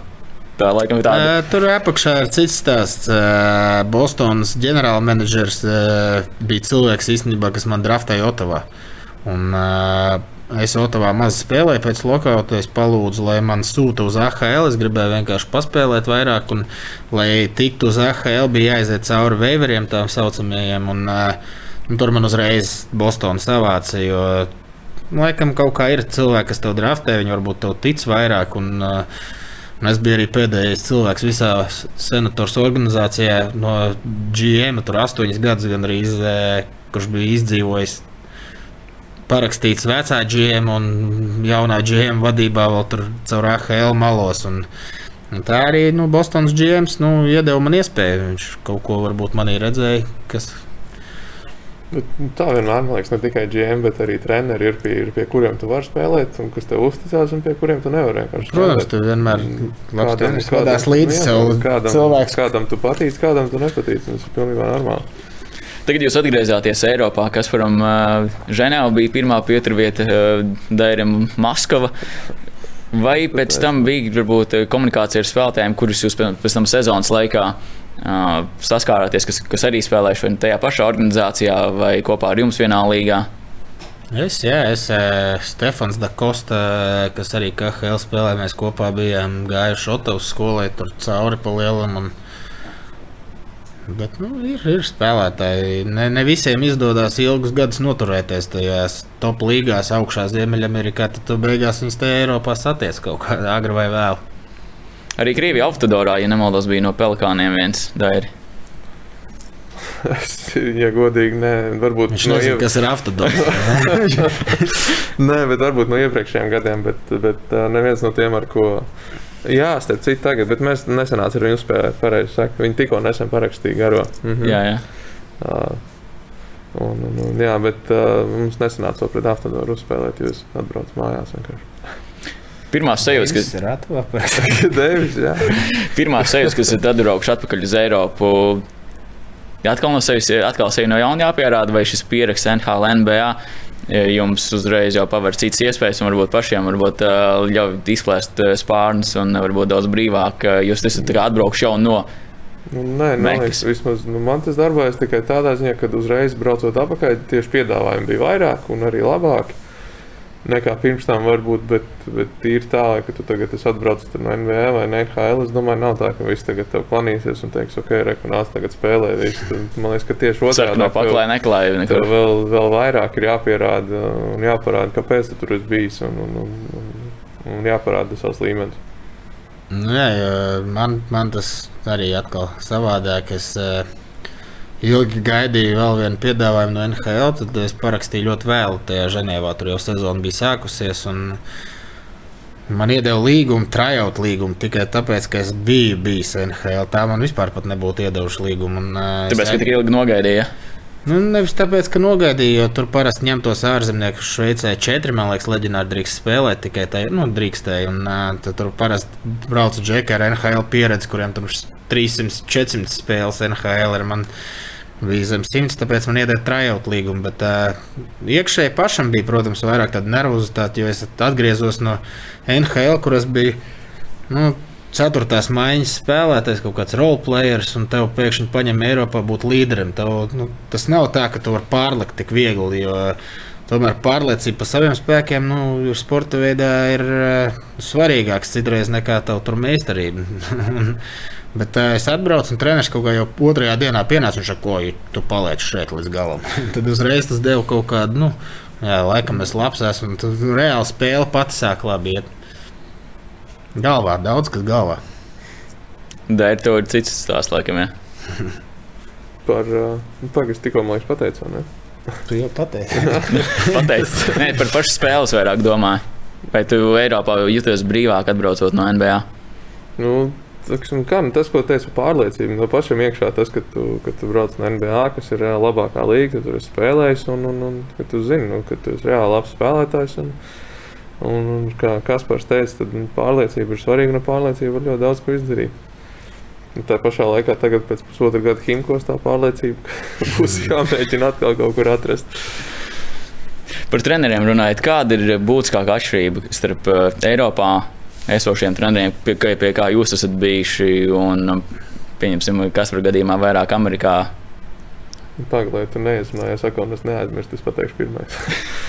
Uh, mums īstenībā ir tā, ka uh, NBA un Eiropā ir nenormāli liela starpība treneriem.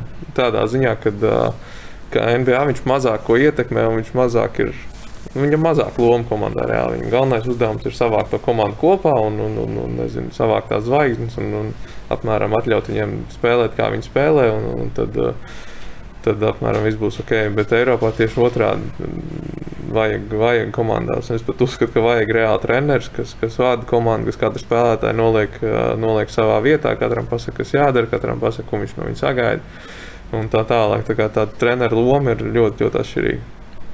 Nu, hokejā līdzīgi droši vien vairāk tie treneri ir motivatori Amerikā.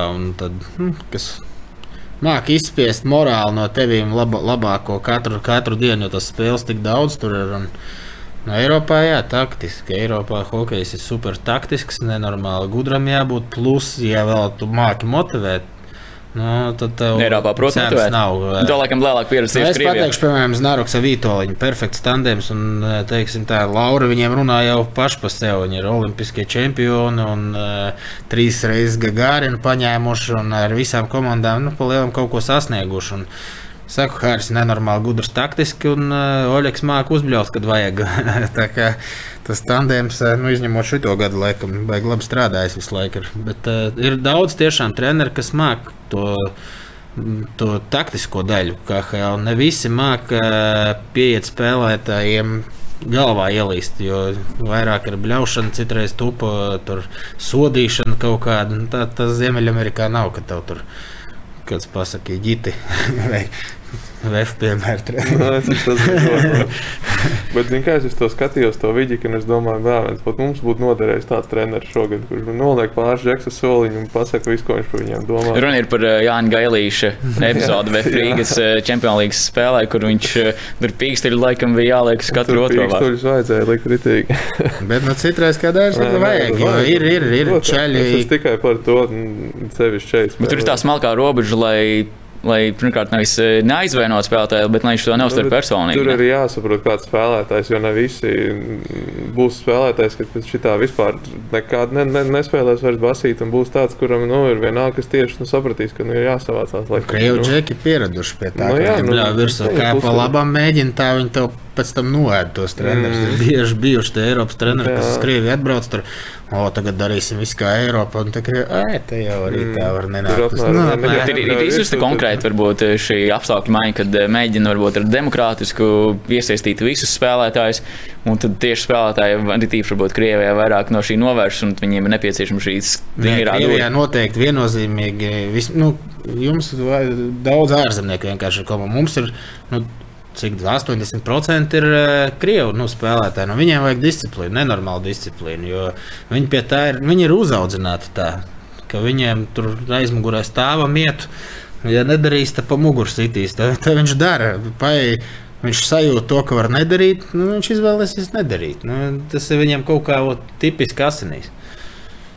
Tā ir kas mums bija. Tas ne tikai krievu spēlētāji, ne, bet vispār man liekas, tas ir atkarīgs no tā, kā tev spēlētāji komandā.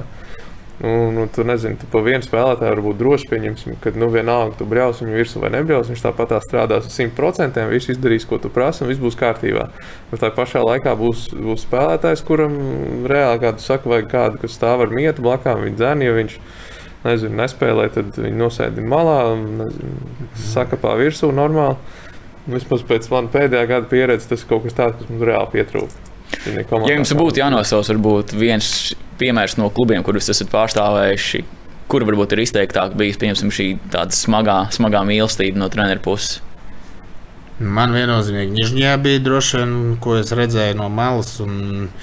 Skudras vadībā nu, viņš bija diezgan strikts treneris, un tur viņam bija pilna groža iedot. Viņš tur varēja spēlētāju nomainīt par vienu epizodi eh, klubā. Un, eh, bet eh, rezultāts bija visu laiku. Tā kā laikam, nu, Tev arī tika no strādāja, skudras. jo mēs bijām, protams, es biju viens no mīļākajiem viņam spēlētājiem. Jo, Nu, kā jau es teicu, es biju leģionārs, plus es biju viens no līderiem. Un, ja komandai tur negaidīja, nu, uz ko citu bļaut. Uz čāli, kurš trīs minūtes laukumā bija. Bet ko tajā brīdī dari? Tu klausies, eh, neko Nu, nesaki. kā, kā tu vari neklausīties, kad tev ausī bļauj, piemēram? Tad, kad tu esi, nu, es domāju, ka tas čēlis vienmēr viss saprat pa seviem minūtes laikā. Nu, nu, ir, ir, es biju redzējis, kā čaļi ceļā kājā grib iedot pa galvu trenerim un vienkārši var sev karjeru pēc tam izčakarēt. Nu, tu paklausies. Nu, Nu, Tās ir emocijas. Nu, tu kritiku pieņem, kā tu viņu iemācies pieņemt. Vienkārši tu vari apvainoties, Nu, apvainoties, sākt raudāt vai iedot trenerim pa štangu un beigt karjeru. Bet uh, var saņemties kaut kā, ieiet sevi, atrast to veidu, kā izlīst no tā. To laikam tādu vieglu tādu personību nevarētu uztvert. Nu, tāda, kas varbūt eh, nav pieredzes pie šādas eh, komunikācijas, šāda komunikācijas veida. Es esmu daudz kam gājis cauri no 15 gadiem. Jā, laikam nekas nevar pārsteigt. Tāpēc uh, es saku, nu, ir angliski, būtu, ka bieza ādera. Nu, Bet mēs esam pirms pēdējos gados NHL redzējuši, kur arī treneri ir nofilmēti šādās epizodēs, un pēc tam tā ir viņa pēdējā darba diena bijusi. Nu, bet eh, tāpēc, ka tur ir savādāk. Tur tas ir televīzija, tur ir nu, miljardi. Krievijā tas ir. Tev ir iedot grožu, tu esi galvenais. Treneris ir galvenais uz soliņa. Tā ir tev. Jo tu esi spēlējis gan pie Davida Blata, gan arī pie, pie citiem treneriem, Simons Paniģāni, itāļu treneris, kurš varbūt, eh, kas ir skatījušies Eirolandā, viņš izskatās varbūt pēc mafijas bosa. Mafijas boss viņš nē, bet viņš tāds. Uh, Ja godīgi, man plus mīnus karjerā ir uh, bijis teiksim, veiksmīgi ar tiem treneriem. Uh, ja neskaita, varbūt kurtinājuši laikam viņš bija kad tad vienā brīdī man likās, ka jābeidz, jābeidz vispār spēlēt basīti. Bet uh, nē, nu tā ir brīdī, jo tad viņš bija tieši tāds, kas nu, reāli spēlēja 30 minūtes, un 30 minūtes tev bļauja virsū non-stopā. Domāju, nu, bļauj, nu, ko, nu, ko es nu, nemāku spēlēt basīti, man bļauja virsū, bet beigās bija viņa apsmadziņa un saprot, nu, labi, ja es spēlēju 30 minūtes, tas nozīmē, ka tad, nu, ka tad viss normāli. Viņš vienkārši tā, nu, un tāpēc jāiemācās neuztvert to personiski vispār. Nu. Viņš bļauj man virsū, viņš tev jā, kāpā virsū, tikai krāta galva, saka, jā, sorry, es vainīgs, ok, jums taisnība un viss. Un tā arī tas nav, jo tikko kādu sāc runāt pretī vai kaut ko vēl mēģināt iebilst, ka te, nē, tomēr kaut arī tev ir taisnība, nu, tad nav, nav variantu nekādā tāpatās panākt savu. savu. Bet ar, ar citiem treneriem bijuši tiešām ļoti nezinu, demokrātiski, bet arī tādi, ka, teiksim, brīžos, kad vajag, tas pats Blāts vai Pienģānī, kas ir arī, nu, ir īpaši Blāts, ļoti labs psihologs, motivators un, un, un, un, arī tāds, teiksim, ar visiem spēlētājiem vienmēr visu pa labam, bet, bet līdz kaut kādam brīdim, jo, ja vajadzēs, tad, tad viņš arī var, var uzbļaut un, un, un pateikt, pateikt visu, ko domā par tevi. Kurš varbūt no treneriem un varbūt kāda konkrēta epizode ir jūs pārsteidz, pārsteiguši pozitīvā ziņā? Jūs varat minēt, eh, piemēram, bija pirms gada intervija ar Artābu, un viņš stāstīja, ka Bobs Hārtlīs vienā no pasaules čempionāta epizodēm taktiski, psiholoģiski izstrādāja ļoti veiksmīgu gājienu, lai viens konkrētais spēlētājs saprastu, ka viņš ir svarīgākais, bet eh, komanda attiecīgi saprastu, ka viņam ir jāļauj tā justies. Un ar Sābols teica, no malas raugoties, tas bija ļoti gudrs. Viņš pat apbrīnoja, kā var tik tālu aizdomāties. Kas jums varbūt, nu, varbūt no Krievijas, eh, Eiropas, varbūt eh, Ziemeļamerikas ir tāds, gadījums. Piemērs priekšā, un jūs redzat, ka tas ir, tas ir treneris, kurš so- prot eh, šo psiholoģisko. Nu, tas ir tieši tas, ko Dairis teica NBA, ka tur superzvaigznes savāc pieci laukumā. Viņi jau visi domā, ka viņi ir svarīgākie spēlētāji. Un labs treneris un Bobs. Nu, viņi va- var just to, ka viņš bija NHL tur gada, vai kas viņš bija. Nu, Vinnējis Stanley Kausu. Viņam tajā gadā tur Kolorādo vispār viens superzvaigznes bija, man liekas. Un Iemācīt katram, ka viņš ir svarīgākais spēlētājs, lai nepazustu nevienam pārliecību. Nu, tā ir arī tā spēja, un uh, viņš ar tevi runā. Nu, bet viņš arī prasa no līderiem. Tu zini, pie Boba, ja tu esi līderis, tev viņš dos daudz spēlēt, bet no tevis prasīs rezultātu. Un salikt to visu kopā, nu, tad, tas ir vispār. Nu, Bobs, laikam, ir viens no piemēriem, ka es zinu, ka viņš jau treniņos tas sākās. Viņš stāv skatās. O, tu pirmais no ledus nost. Nu, viss. Treniņi no- jau tev ieliek jā. galvā, ka tu esi, piemēram, kapteinis, tu nevari noiet pirmais no ledus nost. Man, es tā divas stundas jau uz ledus biju, zinu, sezonas beigas.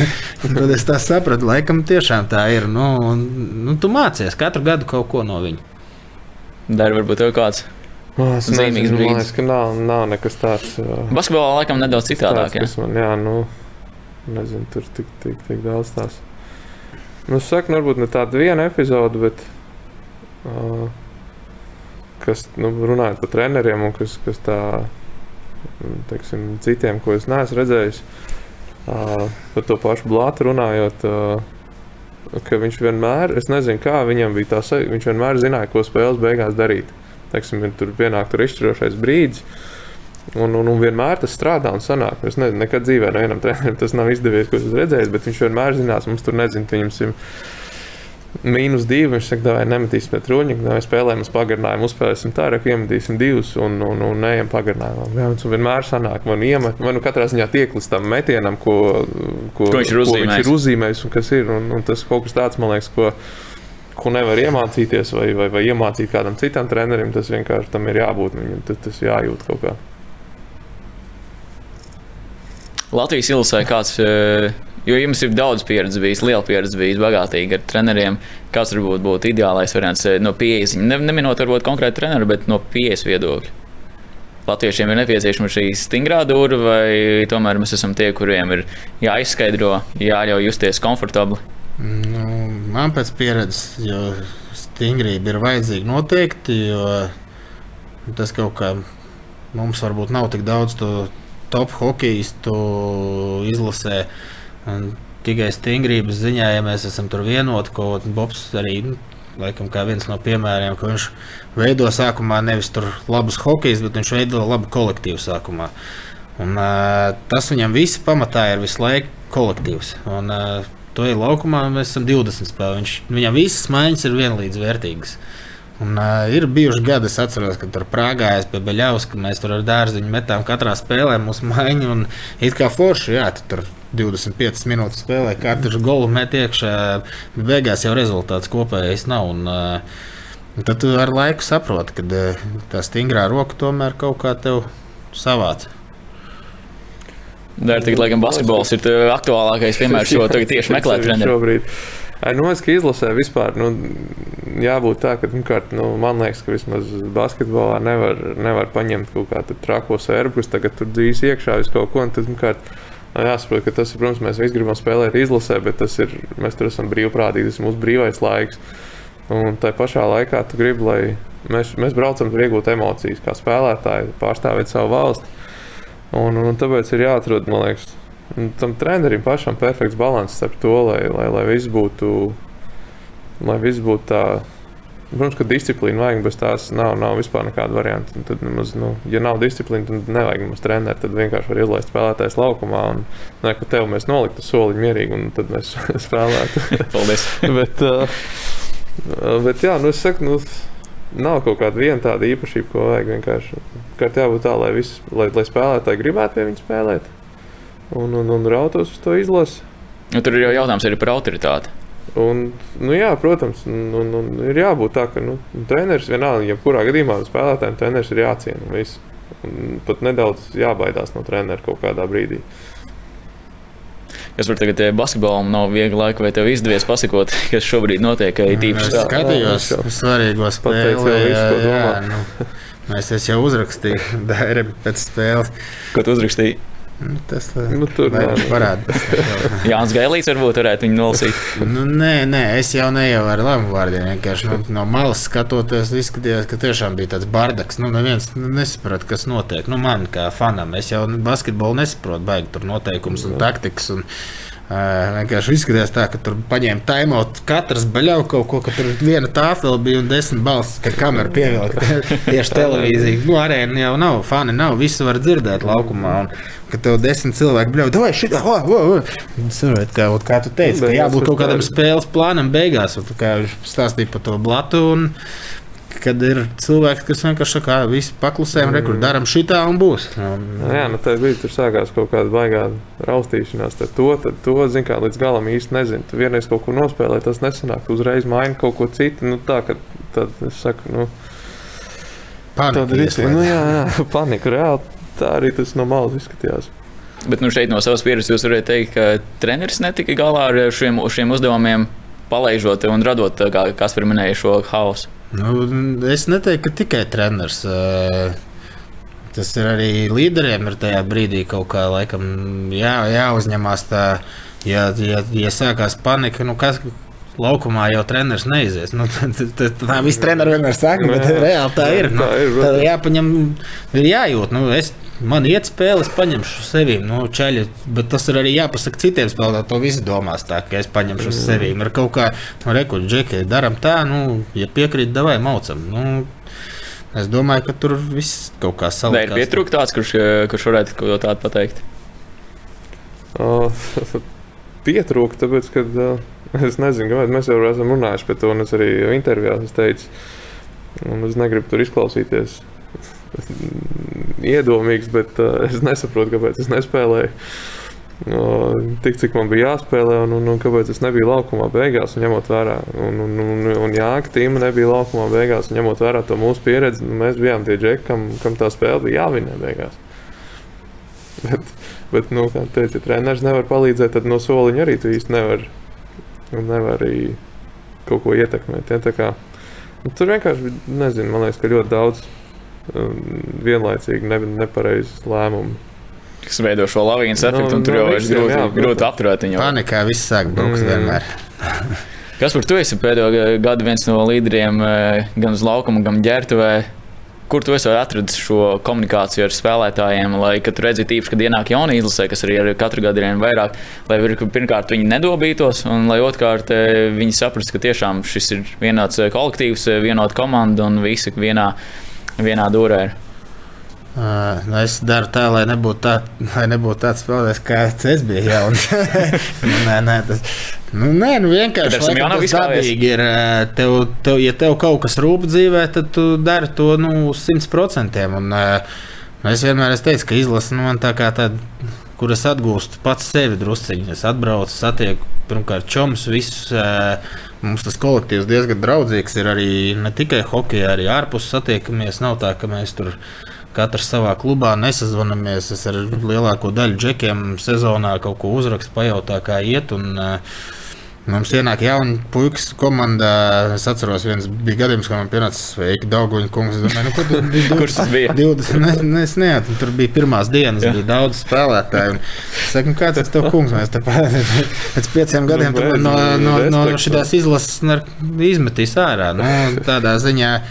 nu, Bet tajā pašā laikā, izējot uz ledus, man nav žēl, ja es tur kādu bortā ielikšu. Es pa savu vietu, nu, man jācīnās. Ir. Es palieku vecāks, un es zinu, ka viņi grib atņemt man darbu, un es darīšu visu, lai, lai, lai es viņam neatdotu savu vietu. Vēl. Un varbūt tas arī tā, tā, tā cīnīšanās, izdzīvošana, varbūt padara to, kā, kā saka, kad konkurētspēju, un tāpēc arī aug tas līmenis drusciņi. Bet noteikti Bobs ir tas, kurš arī ļauj tev izpausties kā kapteinim brīžos, kad ir. eh, Es cenšos maz īstenībā. Bobs pats ir liels motivētājs. Tur nav daudz, kas jārunā.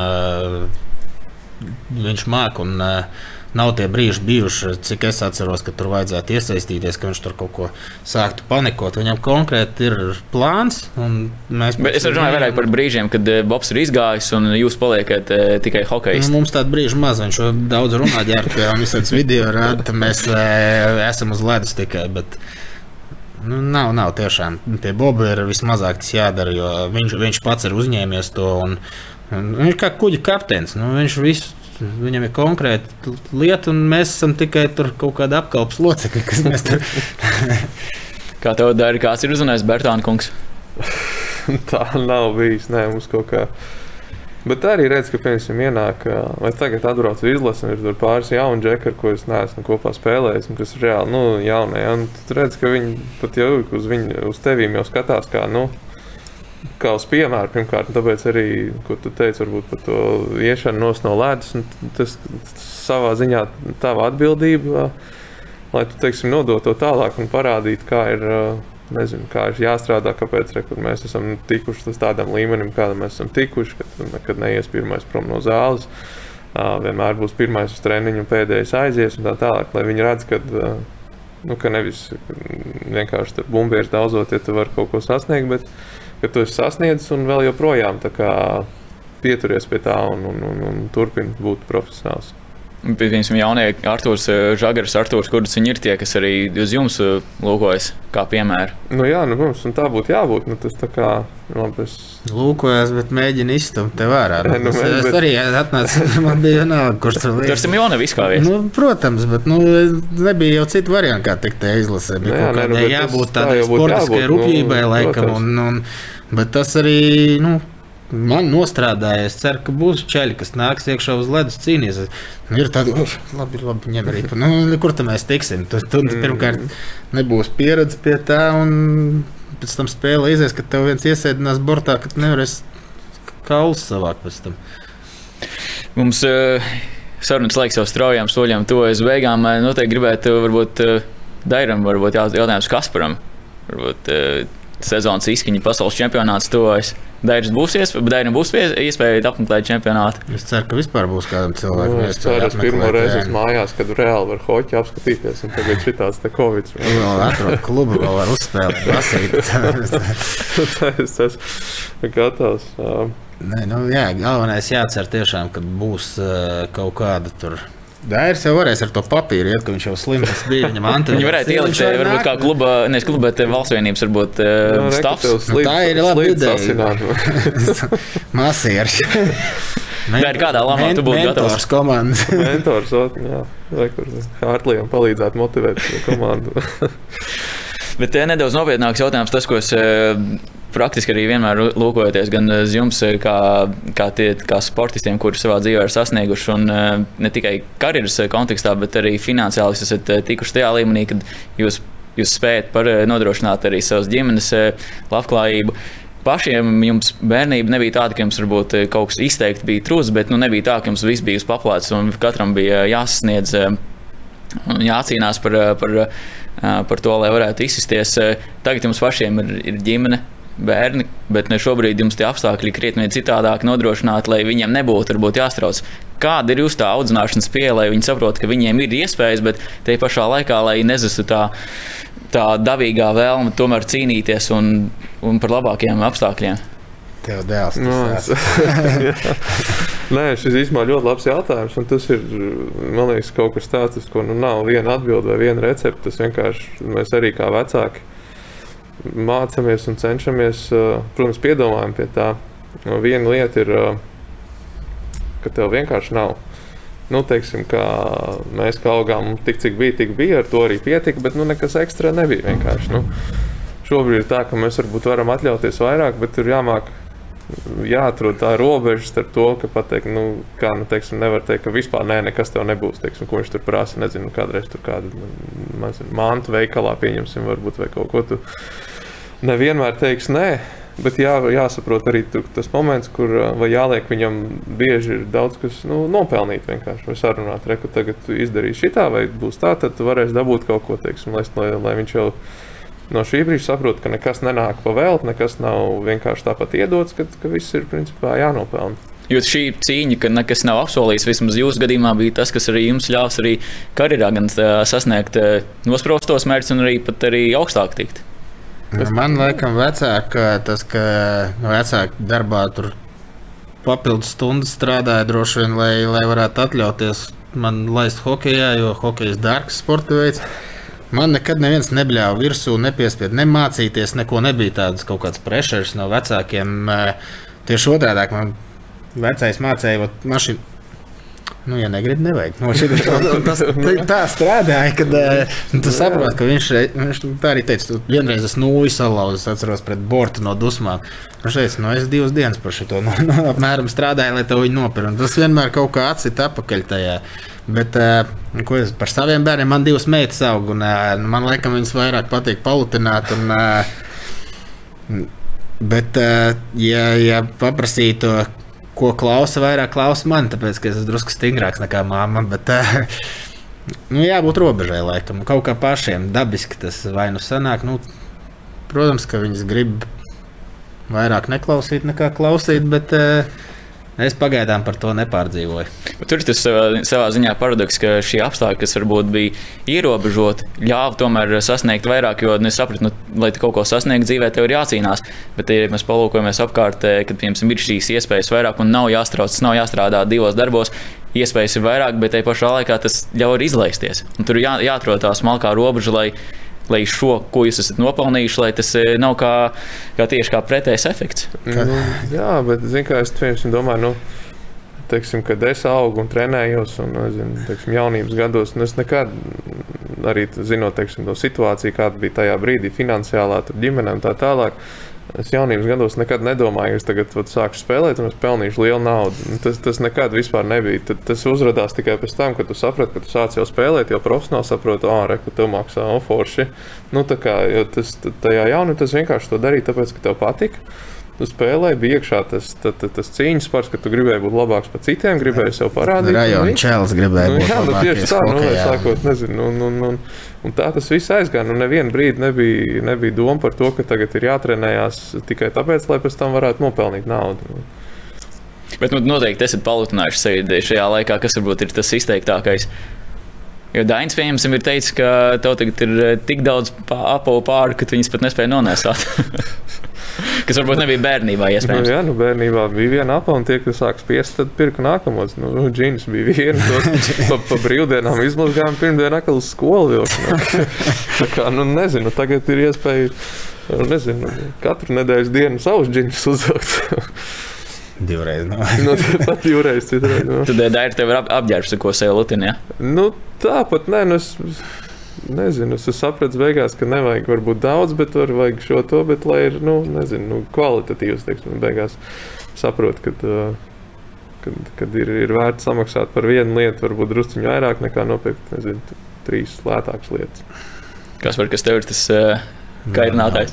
Es uh, Varbūt par ko sieva būtu nav priecīga. Bija tā kā tur no. viss, viss tiek iegrūsts. Tur viss izgāja cauri tikko tā kā. Uh, nu nē, es, kā es teicu, sieva un meitas es palutinu ar dāvanām un uh, man pašam vispār dāvināt patīk, laikam, labāk nekā, kad man dāvina kaut ko. Es varu pievienoties. Jā. Man te varbūt tas apmērs nav tāds tev, bet mīļāk, nu, sieva vienmēr sūdzās, jo viņai jāiet jāpērk tās dāvinas. Es vienmēr saku, ka vajag, vajag visiem tur bērniem sadāvināt. Un, mm. Nu, man, man citreiz jāaptur uz tām dāvanām bērniem. Laikam, kā teicu, ka pašam varbūt nebija, ka es gribu, lai maniem bērniem ir. Eh, un, bet eh, tā nav. nav. Šopingot man nepatīk, eh, mašīnas dārgas man nepatīk. Nu, nevis nepatīk, bet es neesmu autofans, teiksim tā, laikam. Es golfu spēlēju, tur daļa kaut kāda arī aiziet, kaut kāda pričendāliņa tiek nopirkta. Jā, tur laikam tā, tas klāsts ir, ir neizmērojams. Tur kaut kā laikam iztērējās, jā, citreiz vēl uzspēlē uz kādu eiro. Un... Pāris eiro. Labi, teikšu paldies, vīri, ka jūs esat atraduši laiku, lai atnāktu pie jums. Noteikti daudz un daudz dažādi ir tempi, par ko mums arī varētu runāt ar jums, bet svarīgākais tas, ka jūs ar savu piemēru jau esat apliecinājuši, ka ar savu krietnu attieksmi ir iespējams panākt un, un sasniegt savus mērķus. Uh, jūs ne tikai iedvesmojat savus tuvākos, kas ir būtiski, bet arī, bet arī pārējos arī savos sporta veidos. Un Jānā vēl tikai turpināt. Un, Un galvenais, lai veselība, lai izdodas arī. Jā, es jau izlasīju, kā spēlēt. Es aizmirsu, tu jau ar mums trenējies. jā, es esmu. Bija šāds gadījums, ja? Jā, jā es esmu principā mums... gandrīz hokejists arī. Ja gadījumā vajag kaut kādu tuvāko rezervu, tad es esmu gatavs. No zilās deva nevar iemest. Par šo nedaudz sīkāk. Nu, ja tas pavērs šo priekšu, jūs šo pandoru slāni. Nu, viņš man bija, nu, kā mēs pagājušajā pagājuš sezonu kopā spēlējot Maskavā. Es saku, ka nu, man arī patīk hoķīt, uzspēlēt, man tur ekipējums ir, viss kārtībā. Es, nu, vasarā tad beigsies sezona, mēs savāksimies kaut ko nu, raksta, tagad re, kur ir laiks. Mums tur ne, Volvo hālē, man liekas. Nē, Covid aizliedz to, ka nedrīkstēja. Nu, nebija 25 cilvēki, tas maksimums. Bija tik maz ledus, ka mēs jau sākām trenēties. Nu, viņš jau nedomāja, ka mēs te kā nu, nu, jā, nu, viņš tur rekurā savāca, ur rekurā bija ledus, ir aiziet aizbrauc. Mums mani labi būs, nezinu, viņš un karsums vēl tur kāds varbūt nu, kaut ko tur pārspēj. Tā brigāde. Es ieģērtu iekšā, es skatos apkārt, jā, viens pus Latvijas izlases. Kur es esmu nokļūst tagad, kas te notiek? Treneri mums No tagad ienāk trenera, Bobs Kārklīgs vēl. nu, Gan drīz vēl tas pietrūka, vēl Bobs iznāk ārā. Tas vispār. bļaut tev virsū. nu, bet nu, neko, nu, normāli. Nu, sapratu, man liekas, ka es tur kā ar amatierīšiem uzspēlēju, kad ir ok, bet nu, es sapratu, ka tur. Nu, ka tas ir pavisam kaut kas cits. Būt, Kas par šeit noteikti arī cīnījies par savu vietu, lai zinātu, Dairis tev tūs draugs, bet, nu, kad iziet uz ledus, tad Mm, ne, bet nebija tā arī, ka mēs viņam tur devām ripu lūdzu met. Mēs, Nē, nē, mums bija normāls treniņš. nu, Mēs sākumā uzdevumus pildījām. Normāli. nu, Dairis Ā, ne- nekrit ārā. Ja? Nu, eh, ja es nekrītu ārā, es reāli varētu tad, tad mēs būtu sūdīgi. Koties.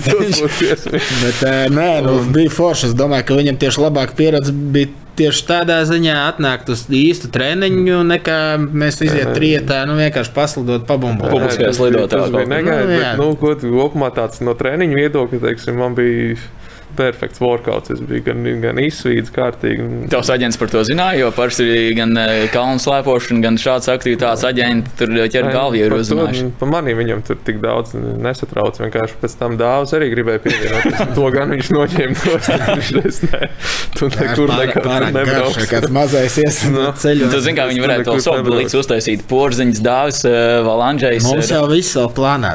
ir jau plānā. Jā, es uz tā trajot nāk.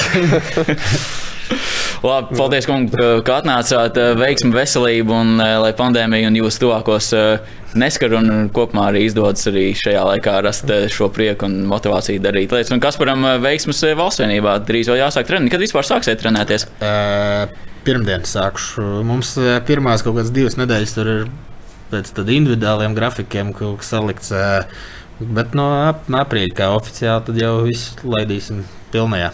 Un pēc tam jau Dairis Bērtāns kā oficiāls eh, komandas valstsvienības mentors. Tagad nāks uz trajot. Labi, paldies, veiksmi jums! Paldies. Sports studijas eh, podkāstu jūs varat noklausīties gan Apple Music, gan, gan arī Spotify vietnē, un tostarp arī YouTube. Ir iespējams skatīties eh, šī podkāstu video versiju. Paldies, ka bijāt kopā ar mums un tiekamies kādā no nākamajām epizodēm. Visu labu!